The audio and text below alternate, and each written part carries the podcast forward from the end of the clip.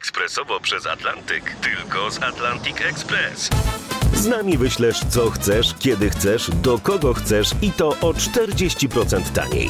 W Atlantic Express wysyłamy wszystko, co chcesz. 1 800 775 7363. Mienie przesiedleńcze, kontenery, paczki do Europy. Atlantic Express to 30 lat doświadczenia i o 40% niższe ceny na wysyłki kontenerów, samochodów i paczek. Ekspresowo przez Atlantyk tylko z Atlantic Express. To podsumowanie dnia w RMFFM w piątek 26 dzień marca. Hasło kluczowe dnia to czas nowych obostrzeń. Grzegorz Jasiński, zapraszam. W tych dniach przyzwyczailiśmy się niestety do słów padł kolejny rekord zakażeń. Ministerstwo Zdrowia poinformowało, że minionej doby wykryto 35 143 nowe infekcje. To najwyższa liczba od początku pandemii. To niemal o tysiąc więcej niż wczoraj. Ministerstwo Zdrowia poinformowało też o 443 zgonach. Gdzie sytuacja jest najpoważniejsza? Na Mazowszu, gdzie mamy 5264 nowe przypadki, niewiele mniej 5095 zachorowań odnotowano w województwie śląskim. Na trzecim miejscu Wielkopolska, tam 4141 nowych zakażeń. Na Dolnym Śląsku i w Małopolsce ponad 2800 pozytywnych wyników. Te dane są niepokojące, bo dzisiejsza liczba zachorowań jest to ponad 9000 wyższa niż w poprzedni piątek i niemal dwukrotnie wyższa niż dwa tygodnie temu. Według rządowych danych obecnie w całym kraju mamy nieco ponad 9 tysięcy wolnych miejsc covidowych i 824 dostępne respiratory. Pomału zbliżamy się do niemal pół miliona osób objętych kwarantanną. W ciągu ostatniej doby padł jeszcze jeden rekord. Wykonano najwięcej, blisko 108 tysięcy testów. Informował Patryk Michalski. Od jutra wchodzą w życie nowe pandemiczne obostrzenia, które będą obowiązywać do 9 kwietnia. Najważniejsze ograniczenia to zamknięcie żłobków, przedszkoli czy dużych sklepów meblowych. Łagodne restrykcje mają też objąć kościoły. Zamknięte będą wszystkie salony urody fryzjerskie i kosmetyczne, a także sklepy budowlane i meblowe powyżej 2000 m2. W sklepach do 100 metrów ma przebywać jedna osoba na 15 m2, w większych jedna na 20 metrów. Taki sam limit ma obowiązywać w kościołach. Żłobki i przedszkola mają być czynne tylko dla dzieci medyków i służb porządkowych. Na obiektach sportowych mogą trenować i rywalizować tylko zawodnicy profesjonalni, bez udziału publiczności. Rząd zaleca też przejście na pracę zdalną wszędzie tam, gdzie jest to możliwe. Wyliczał nasz reporter Grzegorz Kwolek. Minister zdrowia ostrzega, zamknięcie żłobków i przedszkoli może potrwać dłużej niż zapowiedziane dwa tygodnie. Dopytywał o to nasz dziennikarz, od czego zależy decyzja w tej sprawie. Mówiąc najprościej, to zależy od tego, czy liczba zakażeń przestanie rosnąć. Minister zdrowia jasno mówi, dla nas kluczowe jest to, jak szybko przybywa nowych przypadków koronawirusa. Ta dynamika cały czas utrzymuje się na bardzo wysokim poziomie. E, średnio w ciągu tygodnia to jest powyżej 25%, co oznacza, że co tydzień mamy przyrost o 1 czwartą przypadków, która była odnotowana. Minister jasno mówi, że jakiekolwiek luzowanie nastąpi dopiero, gdy liczba zakażeń przestanie rosnąć, gdy miniemy szczyt tej trzeciej fali, gdy pojawią się pierwsze tygodniowe spadki. A to zależy na przykład od tego, czy będziemy respektować obostrzenia. Informował Krzysztof Berenda. Przewodniczący Konferencji Episkopatu Polski arcybiskup Stanisław Gondecki skierował do duchownych wytyczne związane ze zbliżającymi się świętami Wielkiej Nocy. Kierujący diecezjami biskupi mają decydować zarówno o sposobie święcenia pokarmów, jak i prowadzenia procesji. W kościołach ma być surowo przestrzegany limit jedna osoba na 20 metrów kwadratowych. To, w jaki sposób zostanie przeprowadzona weryfikacja liczby osób, zależy od gospodarza miejsca. Każdy proboszcz jest e, zobligowany do tego, by te wszystkie nałożone ograniczenia wprowadzić w życie, no ich przestrzegać. Przypominał rzecznik episkopatu ksiądz Leszek Gęsiak. Wszystko wskazuje na to, że to mogą być dramatyczne święta wielkanocne, a najbliższe tygodnie najtrudniejszą sytuacją służby zdrowia w najnowszej historii Polski. Tak mówią przedstawiciele małopolskich szpitali. Dziś w regionie odnotowano ponad 2800 nowych zakażeń koronawirusem. O szczegółach reporter RMFFM Marek Wiosło. W wielu placówkach medycznych już drastycznie trzeba było ograniczyć leczenie pacjentów niezakażonych koronawirusem. Tam, gdzie jest to możliwe, tych w lżejszym stanie wypisuje się do domów. To dlatego, by jak najszybciej kolejne oddziały zamieniać na covidowe. Obecna sytuacja w szpitalach to konsekwencja zeszłotygodniowych zakażeń. Najbardziej boimy się tego, co będzie za tydzień, mówi Marcin Jędrychowski, dyrektor Szpitala Uniwersyteckiego w Krakowie. To, co się dzieje w szpitalach w tym momencie, jest obrazem tego, jakie mieliśmy statystyki tydzień temu. To, co mnie przeraża, to przeraża mnie to, co będzie za tydzień. Więc dla wszystkich szpitali, dla całej służby zdrowia, newralgicznym e, momentem będzie ten moment za tydzień, za dwa tygodnie. W Małopolsce już prawie 40 tysięcy osób przebywa na kwarantannie. Dzięki zamienianiu kolejnych oddziałów na covidowe wolnych jest 1000 łóżek i 40 respiratorów. W święta zostańmy w domu, apeluje wojewoda małopolski Łukasz Kmita. Bez wątpienia najtrudniejszy tydzień, jesteśmy o tym przekonani, będzie tydzień okołoświąteczny. Liczymy, że to będzie od Wielkiej Środy właśnie do czasu po świętach, dlatego chcę zaapelować do wszystkich osób, które e, planują jakąś swoją aktywność świąteczną, aby rodzinne odwiedziny ograniczyć do zera i także ograniczyły swoją aktywność, jeśli chodzi o praktyki e, religijne. W Małopolsce dla pacjentów z koronawirusem zostało 40 wolnych respiratorów i prawie 600 łóżek. Ostra wojna na linii rząd-władze Warszawy. Wszystko z powodu wprowadzenia rządowego komisarza do szpitala na Solcu, który organizuje tymczasowy szpital południowy. Wojewoda i minister zdrowia zarzucili miastu bezradność, bo szpital zamiast 300 leczy 76 chorych. To polityczna próba przykrycia nieudolności rządu, odpowiada wiceprezydent stolicy Renata Kaznowska. Jak miasto tłumaczy uruchomienie tylko jednej czwartej liczby łóżek? Brakiem personelu jak wszędzie, jak mówi wiceprezydent Kaznowska, rząd wprowadza pełnomocnika, choć to wojewoda miał pomóc w rekrutacji kadr do szpitala południowego. Na pokładzie z nami zostały 22 osoby skierowane od pana wojewody na prawie 600 potrzebnych do tego szpitala. Wojewoda przekonuje, że w innych szpitalach tymczasowych poradzono sobie z problemem, a 5 tygodni od otwarcia to dość czasu, by w południowym przyjmować więcej chorych. Pusty, w dwóch trzecich pusty szpital na Ursynowie jest jakąś porażką. To czym jest szpital narodowy, gdzie miało być 1200 chorych, a jest 300, pyta Kaznowska. To ja pytam pana ministra Niedzielskiego, czy powołał komisarza rządowego na teren Stadionu Narodowego. Władze Warszawy są oburzone tym, kto został komisarzem szpitala na Solcu. To była dyrektor tej placówki, która zrezygnowała w lutym. Wtedy miała informować ratusz, że 300 łóżek uda się uruchomić jej zdaniem za pół roku. Głosy obu stron zebrał Mariusz Piekarski. Szpitale w Śląskiem przygotowują kolejne miejsca dla chorych na COVID-19 jest już m.in. decyzja Ministerstwa Zdrowia o uruchomieniu kolejnego modułu w szpitalu tymczasowym w Katowicach. Mają tam być w sumie 404 łóżka. W tej chwili w placówce leży ponad 250 pacjentów. 45 łóżek dla chorych na COVID-19 ma od dzisiaj Szpital Świętej Barbary w Sosnowcu. Zakażonych przyjmie też Uniwersyteckie Centrum Kliniczne w Katowicach. Znacząco wzrosnąć ma liczba miejsc w szpitalach w Bielsku Białej. Do 80 łóżek zwiększa swoją bazę szpital miejski. Ponad 20 kolejnych ma być w szpitalu wojewódzkim. Również szpital w Żywcu do 1 kwietnia ma udostępnić dla zakażonych kolejnych 70 łóżek. Przypomnę, że dziś w Śląskiem drugi dzień z rzędu liczba nowych przypadków koronawirusa przekroczyła 5 tysięcy. Ponad pół tysiąca z nich pochodzi z Bielska Białej i powiatu bielskiego. Po ponad 300 odnotowano w Sosnowcu i Katowicach. Podsumowywała Anna Kropaczek. Mimo kolejnego zwiększenia liczby łóżek w szpitalu tymczasowym na międzynarodowych targach poznańskich, wolnych jest już tylko około 20. Pacjentów przybywa tam z godziny na godzinę. To ponad 200 osób z potwierdzonym SARS-CoV-2, które wymagają tlenoterapii i stałej opieki medycznej. W oddziale intensywnej terapii tymczasowej placówki wykorzystane są wszystkie respiratory. Personel szpitala wspierają od dziś kolejni strażacy skierowani do pracy przez wojewodę. W szpitalu przy Szwajcarskiej natomiast, który od roku przyjmuje również tylko pacjentów z koronawirusem, zajętych jest 405 z 420 łóżek. 38 osób wymaga tam podłączenia do respiratorów. Tlen w szpitalach jest zużywany na potęgę. Przedwczoraj zabrakło go w Jarocinie, ale lekarzom pomogli strażacy ze szkoły aspirantów w Poznaniu, przywożąc do szpitala 20 butli. Nie ma łóżka tak zwanego covidowskiego bez tlenu. Jeżeli ten pacjent dziś nie wymaga, teraz nie wymaga tlenu, to nie wiemy, co będzie za pół godziny. Mówił dr Włodzimierz Budzyński, szef medyczny szpitala w Jarocinie. Relacjonuje nasz reporter Mateusz Chłystun.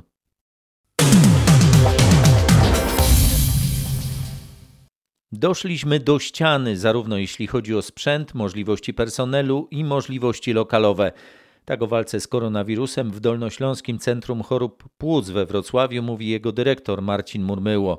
Brakuje respiratorów. Przed południem wolne było tylko jedno ze 170 łóżek. Jeżeli brakuje na przykład miejsca, szukamy na terenie Wrocławia, potem Dolnego Śląska, a jeśli nie ma, no to kładziemy pacjentów tak, żeby oczywiście byli bezpieczni, na przykład na korytarzu czy na oddziale właśnie buforowym, czyli odcinkach, które są przygotowane dla pacjentów o nieznanym statusie wirusologicznym, czyli nie wiadomo, czy są dodatni, czy są ujemni. Mamy też oczywiście problem z instalacją tlenową i to nie chodzi o tlenoterapię butle, natomiast o rozdział tego tlenu w budynku.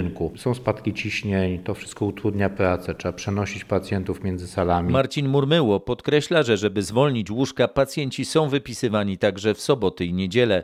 Przyznaje, że coraz częściej zdarzają się przypadki powtórnego zakażenia koronawirusem. Najczęściej to zakażenia u osób, które za pierwszym razem chorowały łagodnie i ich odporność z czasem spadła. Taka osoba po kilku miesiącach, po pół roku czy po roku niestety również może się zakazić, zwłaszcza jeśli jest narażona na dużą ilość wirusów. Plus też trzeba oczywiście wziąć pod uwagę osoby ze słabszą odpornością, z jakimiś innymi chorobami przewlekłymi. To wszystko wpływa na to, że do tych zakażeń dochodzi. Mieliśmy na przykład ostatnio doktora, który był nawet zaszczepiony dwoma dawkami i zachorował. Skuteczność szczepionki jest 95%, więc zawsze jest te 5%, które po prostu nie odpowie na tą szczepionkę. Jak podkreśla Marcin Murmyło, z reguły powtórnego zakażenia COVID-19 nie przechodzi się ciężko. Mamy apogeum przypadków covidowych wśród kobiet w ciąży. Tak o sytuacji w Uniwersyteckim Szpitalu Klinicznym we Wrocławiu mówi profesor Mariusz Zimmer. Wcześniej zachorowań wśród ciężarnych było niewiele. Mamy 25 przypadków covidowych w ciąży, przypadków ginekologicznych. Trzy pacjentki po porodzie walczą o życie. W bardzo ciężkim stanie zapalenia płuc walczą na oddziale intensywnej terapii. Przerażająca liczba przypadków, a poza tym no, wstrząsające przypadki, wstrząsający przebieg. Najciężej y, chorują pacjentki po porodzie. Dzieci czekają na mamy, a mamy walczą o życie w oddziale intensywnej terapii. Profesor Zimmer dodaje, że dzieci zarażonych koronawirusem kobiet rodzą się zdrowe. Już sześciu pacjentom po COVID-19 przeszczepiono płuca w Śląskim Centrum Chorób Serca w Zabrzu. Pierwszy taki zabieg w tym ośrodku przeprowadzono latem ubiegłego roku. Wszystkie przypadki, które do nas trafiają, to są najcięższe przypadki, jakie w ogóle są. Czyli sytuacje, w których funkcja płuc jest całkowicie uszkodzona. Ci chorzy są na tak zwanym sztucznym płucu, czyli na ECMO. No i takich transplantacji w naszym zespole w Zabrzu już mamy sześć. Ci, których my mamy, to są wszystko młodzi ludzie poniżej 50 roku życia. Mówi dr Marek Ochman, kierownik oddziału transplantacji płuc w Śląskim Centrum Chorób Serca. Obecnie w szpitalu do aparatury ECMO podłączonych jest 8 pacjentów. Kolejny rekord zakażeń w Polsce oceniają lekarze interniści, piszący dziś państwowy egzamin specjalizacyjny w Łodzi. No, ta sytuacja jest dramatyczna, bo wiem, co dzieje się w szpitalach z relacji swoich bliskich kolegów, no, że po prostu jest dramat. I moim zdaniem no, to nie jest tak, że my stoimy na krawędzi zapaści, tylko ta zapaść już trwa. Jesteśmy na skraju tak naprawdę załamania służby zdrowia, jeśli ona już się nie załamała, bo myślę, że w wielu, w wielu miejscach już się załamała i nie wiem szczerze mówiąc skąd biorą się te dane na temat wolnych łóżek, bo pracując na co dzień ich po prostu fizycznie nie ma. Naprawdę czekamy na to, że ktoś zostanie wypisany albo niestety odejdzie, no będzie ewentualnie przeniesiony na oddział niekowidowy. U nas w szpitalu covidowym ostatnio 27 karetek stało, bo nie było już miejsc. No jak nie ma lekarzy, no to ciężko też obrobić. Może jakieś łóżka by się znalazły, bo to jest ogromny szpital. Ale no Ale jeżeli nie same ma rąk do nie pracy, leczą. no to Same łóżka nie leczą, ktoś musi przy tym być. Teraz przed lekarzami kolejne tygodnie nauki, bo od połowy kwietnia do końca maja mają wyznaczone terminy egzaminów ustnych. Lekarze nie rozumieją, dlaczego w tak dramatycznej sytuacji epidemicznej nie podjęto decyzji o odwołaniu części ustnej. Poświęciliśmy bardzo wiele miesięcy nauki. Nasze rodziny zostały zaniedbane. E, Ja pracuję na stałe w szpitalu covidowym, gdzie wiem, że są braki kadrowe, ale nie, nie mogę sobie pozwolić teraz na to, żeby wrócić do pracy, bo muszę dokończyć to, co muszę dokończyć, czyli muszę zdać egzamin. Jeżeli ten egzamin ustny byłby zniesiony, w dniu jutrzejszym stawiam się na dyżur e, do pracy. Bez dwóch zdań działam. Na całego oddaję się w pełni. Chciałabym wrócić do pracy jak najszybciej tak naprawdę w obecnej sytuacji, tak jak wygląda. E, Natomiast jej egzamin pisemny to jest 2-3 miesiące przygotowań tak naprawdę, pod które e, cała rodzina jest dostosowana. I trochę mi żal teraz, żeby, żeby oblać ten ustny. Głosy lekarzy zebrała nasza reporterka Magdalena Greinert. Jest nowa propozycja izb lekarskich w sprawie ustnego egzaminu specjalizacyjnego. Prezes Okręgowej Izby Lekarskiej w Warszawie proponuje, by z tej części egzaminu zwolnić lekarzy z najlepszym wynikiem części pisemnej. Jak w szczegółach wygląda ta propozycja? Według doktora Łukasza Jankowskiego, skoro ministerstwo upiera się, że lekarze muszą przejść dwuetapową weryfikację, to niech to będzie w warunkach pandemii obowiązek tylko dla tych lekarzy, którzy słabiej zaliczyli część pisemną. Rozwiązanie kompromisowe, czyli te osoby, które dostały trójkę z testu, niech przejdą jeszcze weryfikację na ustnym, a jeżeli ktoś lepiej zdał test, ma tę wiedzę, niech po prostu zgłosi się do szpitala i pracuje. Doktor Jankowski dodaje, że premier z jednej strony cały czas mówi o brakach kadrowych, szpitale podkupują sobie medyków, a jedyną rezerwą są młodzi lekarze uczący się w tym czasie do egzaminów. To wymaga przynajmniej w ostatnim miesiącu przed egzaminem nauki po 8-10 godzin dziennie. Ministerstwo Zdrowia w odpowiedzi zasłania się jednak niezmiennie pismem 87 konsultantów medycznych i ich opinią, że weryfikacja wiedzy jest konieczna, a po szczepieniach medyków egzaminy są bezpieczne. Warszawa, Mariusz Piekarski. Ministerstwo Zdrowia apeluje do rektorów i dziekanów uczelni medycznych o pomoc studentów w szpitalach, w których leczeni są zakażeni koronawirusem. Po weekendzie wydany ma zostać formalny apel na piśmie w tej sprawie. Jak w praktyce miałby wyglądać? Chodzi o to, aby studenci kierunków medycznych, przede wszystkim z najstarszych lat, z których wielu już jest zaszczepionych przeciwko koronawirusowi, mogli zaangażować się w pracę np. w szpitalach tymczasowych, choćby w ramach praktyk. Apel dotyczy stworzenia formalnych warunków do tego, aby taka praca była możliwa i odbywała się równolegle do obowiązków studenckich. Dziekani wydziałów medycznych, z którymi rozmawiałem, deklarują, że w obecnej sytuacji widzą potrzebę takiego rozwiązania, a co więcej już dostawali sygnały od studentów dotyczące ich gotowości do pracy w szpitalach. Dodają jednocześnie, że byłoby im łatwiej, gdyby dostali propozycję klucza, zgodnie z którym wybierane byłyby osoby angażowane do opieki nad zakażonymi. Informuje Michał Dobrołowicz. Przypominamy, od jutra zamknięte są wielkopowierzchniowe markety budowlane. Dzisiaj w tych sklepach były prawdziwe tłumy ludzi, dosłownie. Od jutra będzie zamknięte, wie pan? Wiem. I to widać chyba na parkingu, no nie? Jest y, dużo samochodów, w środku też sporo klientów. Myślę, że niektórzy nawet sobie wolne wzięli z tego powodu. Czy w związku z tym, że od jutra zamknięte, to dzisiaj te zakupy? Dokładnie tak. A jest właśnie tak, drobny remont kuchni. Czyli trochę by to plany pokrzyżowało, tak? Jakbyście dzisiaj Państwo tego nie kupili. Tak, zdecydowanie tak. Gdyby nie było, można było kupić, to byłby problem.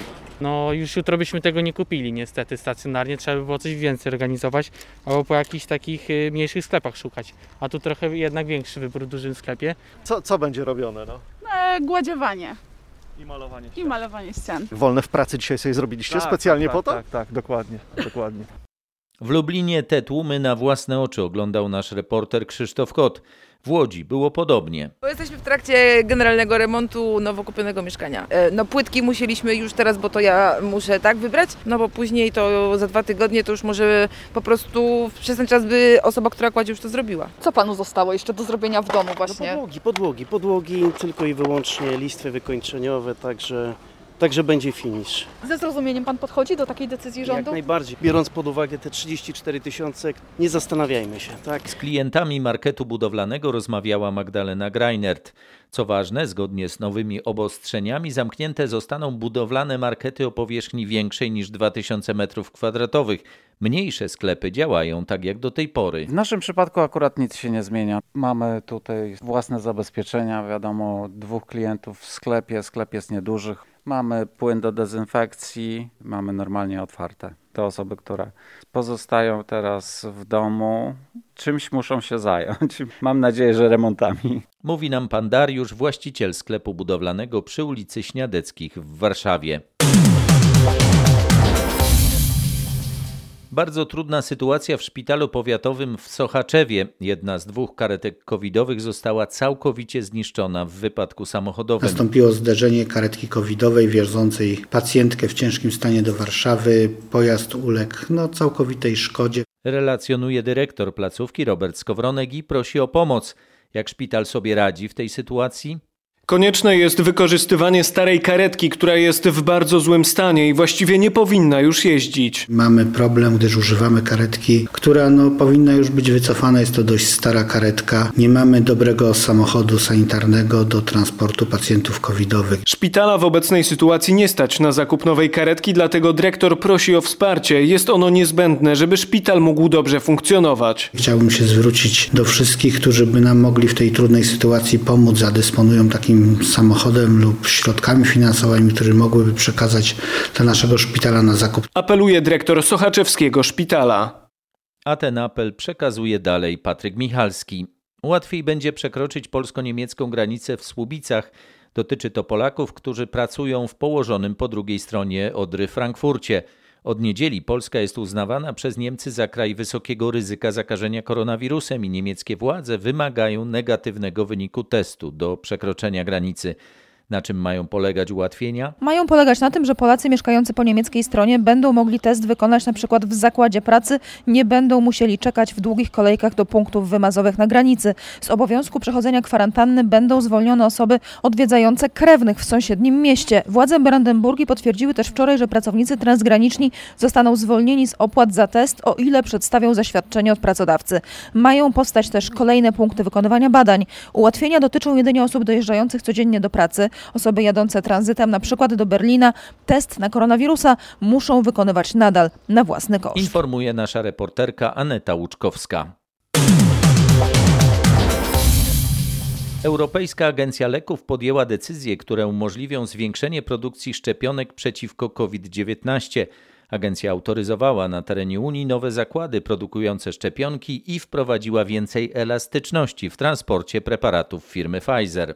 Agencja zgodziła się na przechowywanie i transport szczepionek Pfizer-BioNTech w wyższej temperaturze od minus 25 do minus 15 stopni. Do tej pory było to możliwe w niesłychanie niskiej temperaturze, wymagającej używania suchego lodu. Agencja zatwierdziła w sumie trzy nowe zakłady produkujące szczepionki. Fabrykę komponentów do szczepionek AstraZeneca w Lejdzie w Holandii, fabrykę produkcji szczepionek Pfizer-BioNTech w Marburgu i zakład produkcji Moderny w Szwajcarii. Moi rozmówcy w Komisji Europejskiej mówią, że teraz są realne szanse na przyspieszenie kampanii szczepień. Donosi nasza korespondentka Katarzyna Szymańska-Borginą.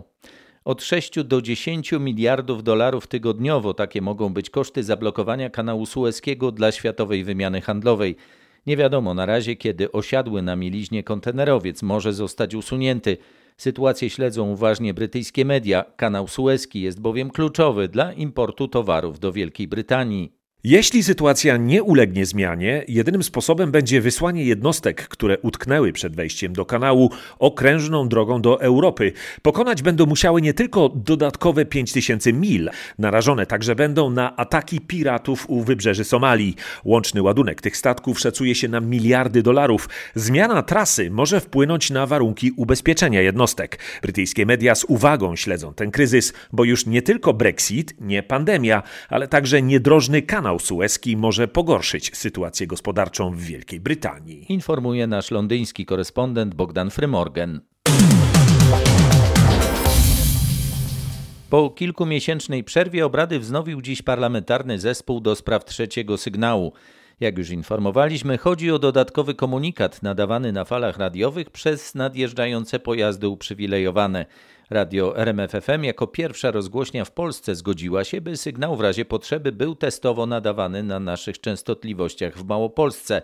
Do jakich wniosków doszli członkowie zespołu?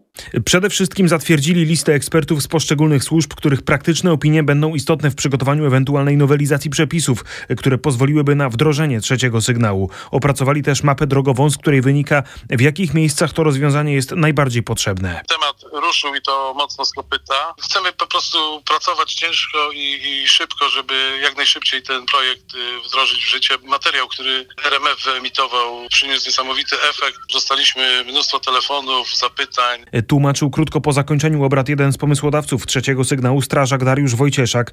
Kolejne posiedzenie zespołu zaplanowano w połowie kwietnia. Sprawę monitoruje nasz reporter Mateusz Chłystun. Część bloku w Zabrzu, gdzie we wtorek wybuchł gaz, nadaje się do naprawy. Taka jest wstępna ocena rzeczoznawcy budowlanego. Na razie jednak lokatorzy tej części wieżowca nie mogą wrócić do swoich mieszkań.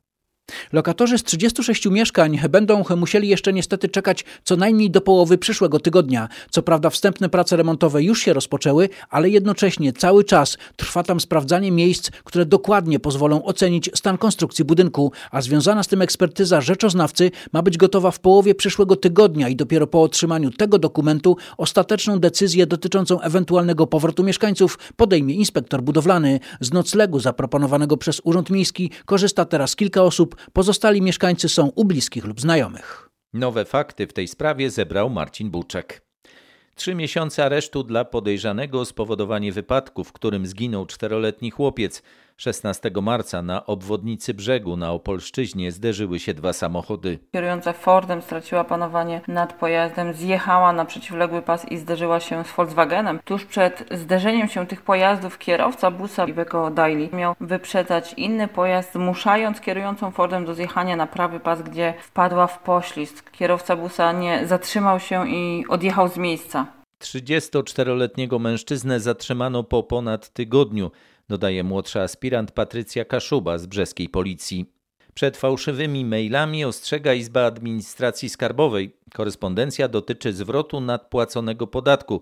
W rzeczywistości jej załącznik ma wyłudzić dane karty kredytowej, by przestępcy mogli wyczyścić konto ofiary.